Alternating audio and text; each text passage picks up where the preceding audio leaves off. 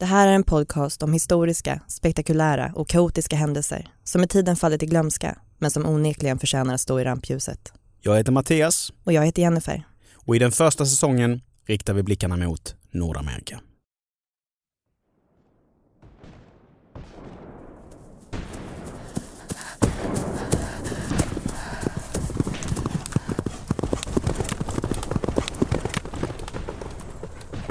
Det var ett svårt uppdrag.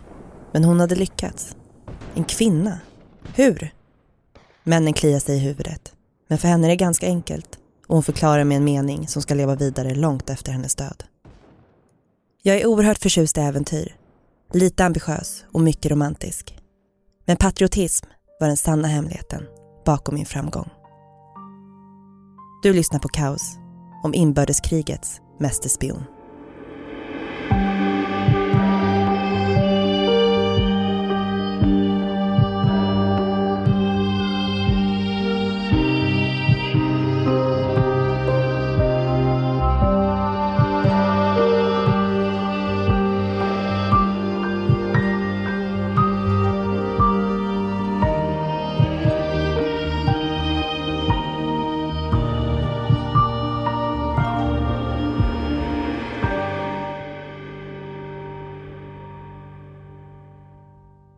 Det är en vacker vårnatt 1862 i Yorktown, Virginia.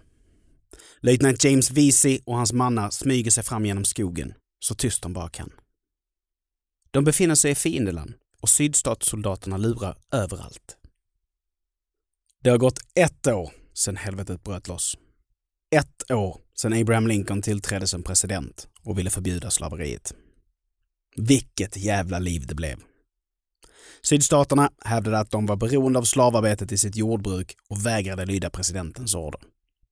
Deras lösning blev att försöka ta sig ur den amerikanska unionen och bilda en egen federation. Lincoln och nordstaterna motarbetade försöket och så var det blodiga inbördeskriget igång.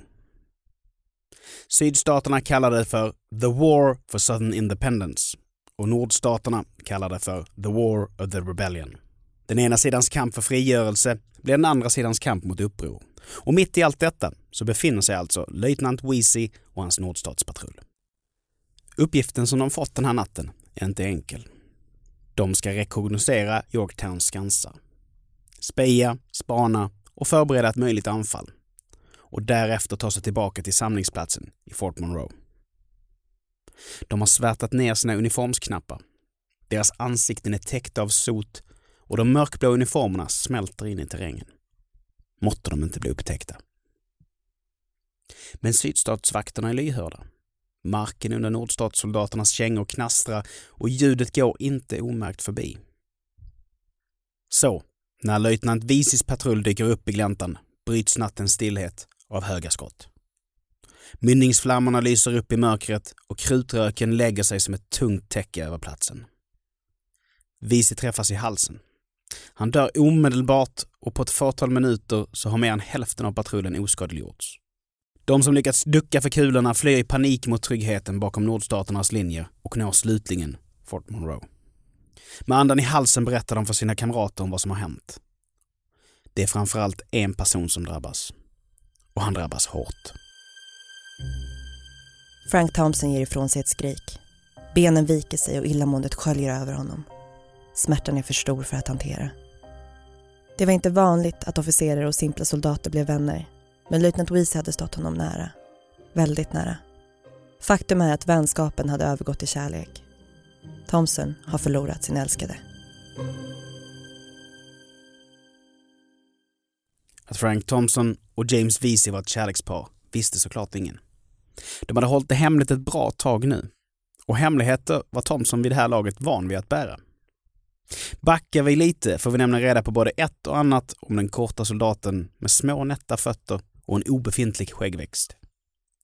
I december år 1841, i den kanadensiska provinsen New Brunswick, välsignas familjen Edmunds med ett litet flickebarn. Både mamman och knytet är vid god vigör, men pappan är påtagligt besviken. Han hade hoppats på en son, någon som kunde hjälpa honom med det hårda arbetet på gården. För kvinnor kan ju inte ta i. Kvinnor duger inte till mycket. Den otursdrabbade jäntan får i alla fall namnet Sarah. Sarah Emma Edmonds. Hela hennes uppväxt går i princip ut på att motbevisa sin misogyna och våldsamma far. Hon skjuter, jagar och sliter hårt på ägorna, men hur mycket hon än försöker har hennes pappa bestämt sig. Han gillar inte sin dotter och har aldrig gjort. Hon är en hon och därför är hon värdelös. Han gör sitt bästa för att hitta en karl som kan tänka sig ta emot henne. Ja, någon som man kan lämpa över problemet på så att säga. Låt oss konstatera att herren i det här huset inte är någon drömpappa. Och nu kanske man undrar, vad tycker hennes mamma om allt det här? Och det vet ingen, för det var inte viktigt. När Sarah är 17 år får hon beskedet att hon ska giftas bort med en dubbelt så gammal man. Det blir droppen som får bägaren att rinna över och hon bestämmer sig för att rymma. Siktet är inställt på USA och för att flykten ska gå så smidigt som möjligt så väljer hon att klä sig som en man. Bort med tunga, otympliga kjolar och på med praktiska, bekväma byxor. Och så måste hon ju ha ett namn också. Så bye bye Sarah Emma Edmonds och välkommen på scen Frank Thompson.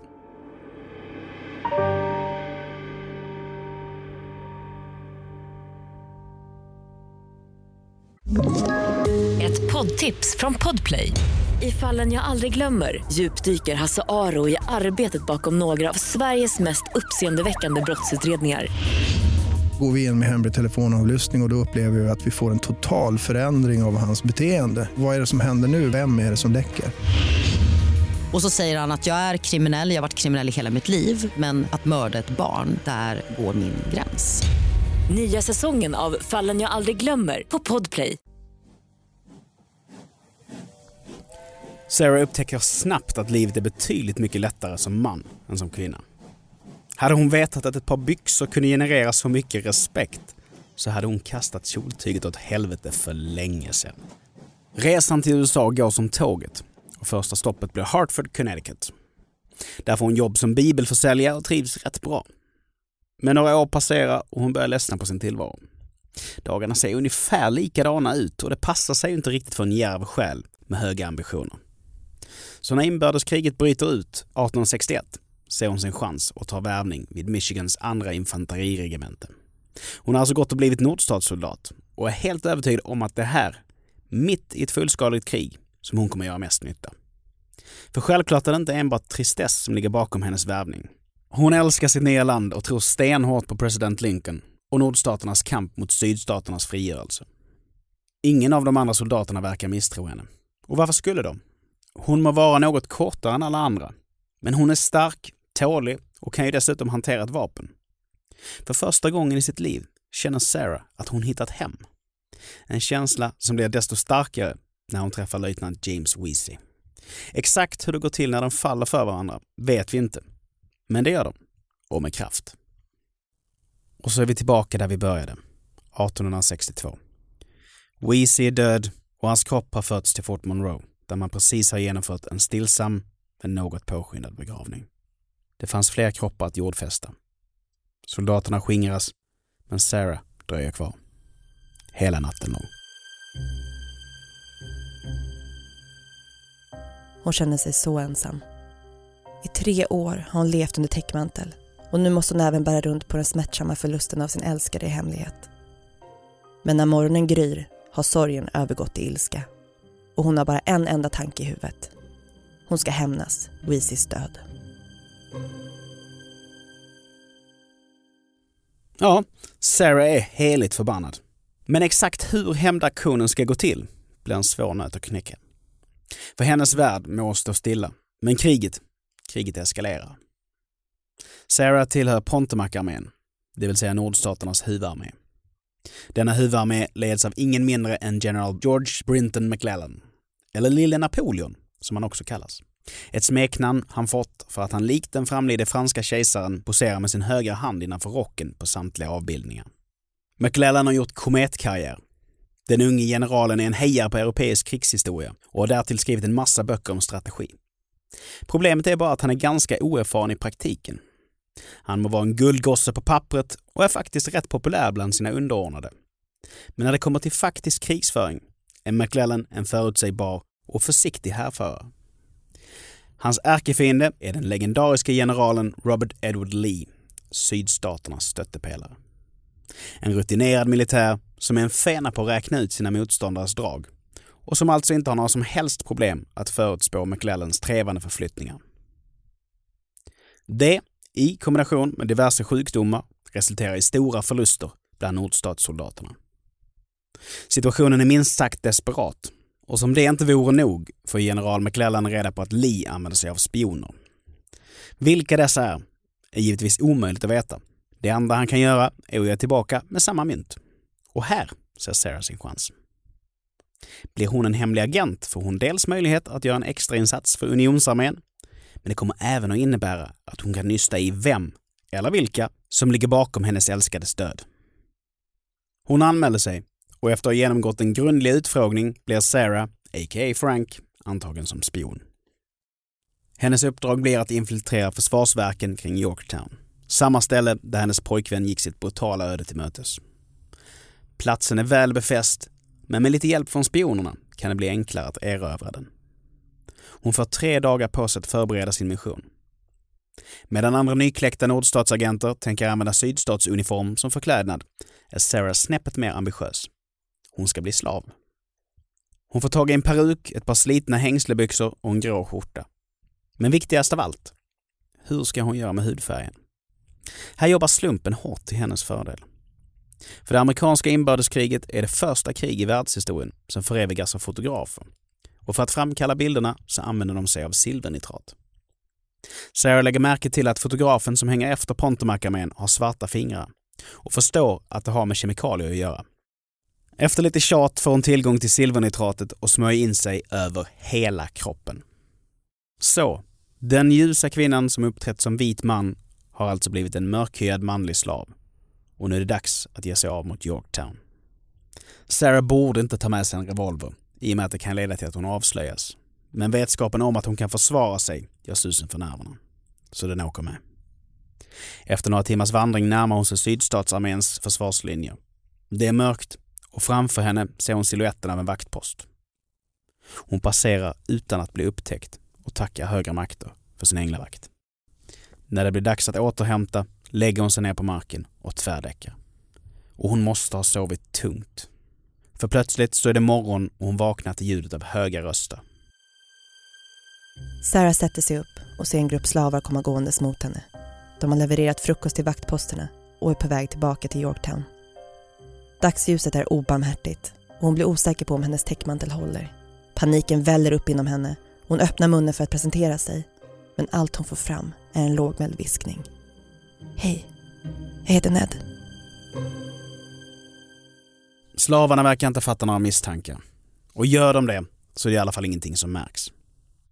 Här är det läge att lyfta det faktum att de är vana vid att inte ifrågasätta, oavsett situation. Att leva under ständigt förtryck har antagligen den effekten. Sarah hänger med gruppen till Yorktown och väl framme så är det ingen som lägger märke till henne. Sydstatssoldaterna kan helt enkelt inte bry sig mindre. Hon får en spade och börjar slita. Händerna täcks snabbt av blåsor och hon gör sitt bästa för att dölja smärtan. Vid de få vilostunder som slavarna får går Sarah runt på vallarna kring Yorktown. Hon låtsas att hon springer ärenden, men i själva verket så gör hon en lista över antal vakter, kanoner och granatkastare. En lista som kommer vara guld värd för general McClellan. Dagarna går, listan blir längre och händerna blir allt mer trasiga. Men så plötsligt hör hon den. Rösten. En välbekant stämma som hon hört flera gånger på hemmaplan bakom nordstaternas linje. Det är en handelsman. Samma handelsman som gjort flertalet affärer med Pontomac-armén och som nu står och skrattar tillsammans med ett gäng sydstatssoldater. Han skryter om sina bravader för i nästa sekund slänga fram en karta och peka ut McClellans nuvarande position. Han är en spion. Sarah svär för sig själv och planerar med ens att återvända till nordstatsarmén för att anmäla köpmannen. Men så börjar han prata om något som får henne att ställa till. För en kort tid sedan hade han besökt nordstatsarmén. Där hade han sprungit på en ung löjtnant som berättade om ett kommande rekognoseringsuppdrag vid skansarna runt Yorktown. Köpmannen hade då skyndat med varna några sydstatssoldater och uppmanat dem att tillfångata löjtnanten och förhöra honom när han och hans patrull väl dök upp. Att sydstatssoldaterna hade valt att skjuta ihjäl löjtnanten var kanske lite olyckligt, men det är ju sånt som händer. Sarah kokar av ilska. Hon famlar efter revolven i sina byxor. Sarah är helt säker på att det är hennes älskade James Weezy som handelsmannen står och gormar om. Det är hans fel att Weezy är död och hon vill inget hellre än att skjuta skallen av honom. Samtidigt vet hon att det blir det sista hon gör i livet. Och då kommer listan med den värdefulla informationen aldrig nå fram till general McClellan. Ett djuriskt hämndbegär fightas vilt mot Sarahs starka patriotism. Och det blir hämndlystnaden som till slut får ge vika. Hon kan inte med gott samvete riskera att hennes kamrater inte får underrättelsen som de behöver för att erövra Yorktown. En erövring som skulle ta nordstaterna ett steg närmare segern. Men hon kan fortfarande se till att göra livet jävligt jobbigt för handelsmannen. Hon kan ställa honom inför krigsrätt.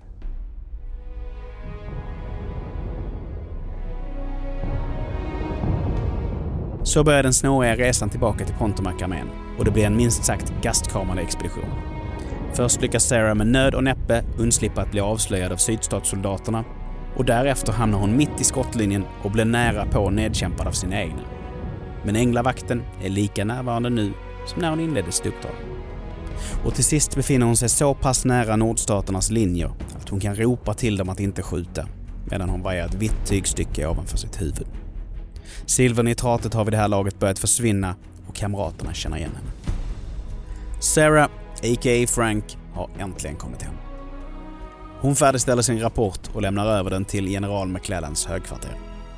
Rapporten innehåller allt som hon tagit reda på om sydstaternas styrkor och beväpning samt en detaljerad beskrivning av köpmannens spionerier. Nästa gång han visar sig i lägret kommer han arresteras och Sarah kommer få sin revansch.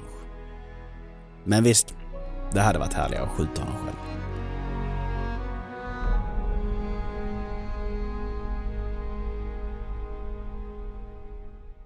Och vad hände sen då? Sarah Emma Edmonds fortsätter sin tjänst som soldat och spion tills hon en dag drabbas av malaria.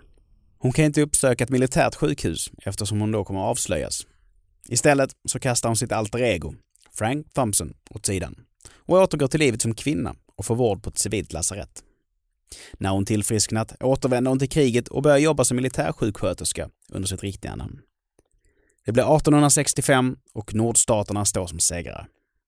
Kriget är över och slaveriet kan ju så småningom avskaffas. Hela 600 000 soldater har dött. Det är fler än vad USA kommer förlora under samtliga av 1900-talets krig, inklusive världskrigen. Strax efter segern ger Sarah ut sina memoarer och donerar intäkterna till sårade veteraner. Hon drar sin sista suck år 1889 och får en militärbegravning i Washington Cemetery i Houston. Så har ett vidunderligt liv kommit till ända. Ett liv som kantats av extrema äventyr, skyhöga ambitioner och måttlös romantik. Ett liv som levts av en kvinna som var allt annat än värdelös. Så tji fick du pappa. They call me Hell.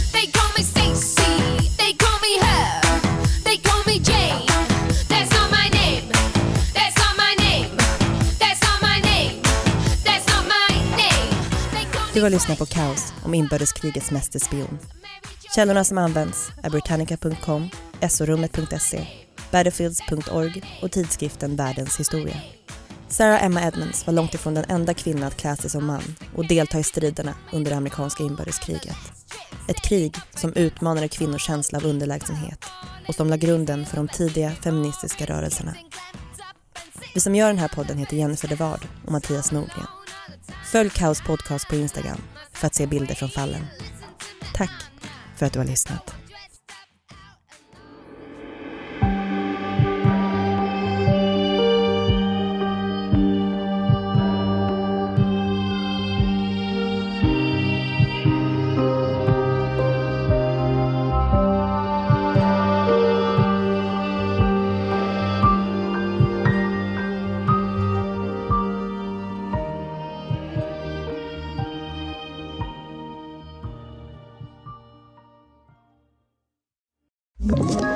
Ett poddtips från Podplay. I fallen jag aldrig glömmer djupdyker Hasse Aro i arbetet bakom några av Sveriges mest uppseendeväckande brottsutredningar. Går vi in med hemlig telefonavlyssning och, och då upplever vi att vi får en total förändring av hans beteende. Vad är det som händer nu? Vem är det som läcker? Och så säger han att jag är kriminell, jag har varit kriminell i hela mitt liv men att mörda ett barn, där går min gräns. Nya säsongen av Fallen jag aldrig glömmer på Podplay.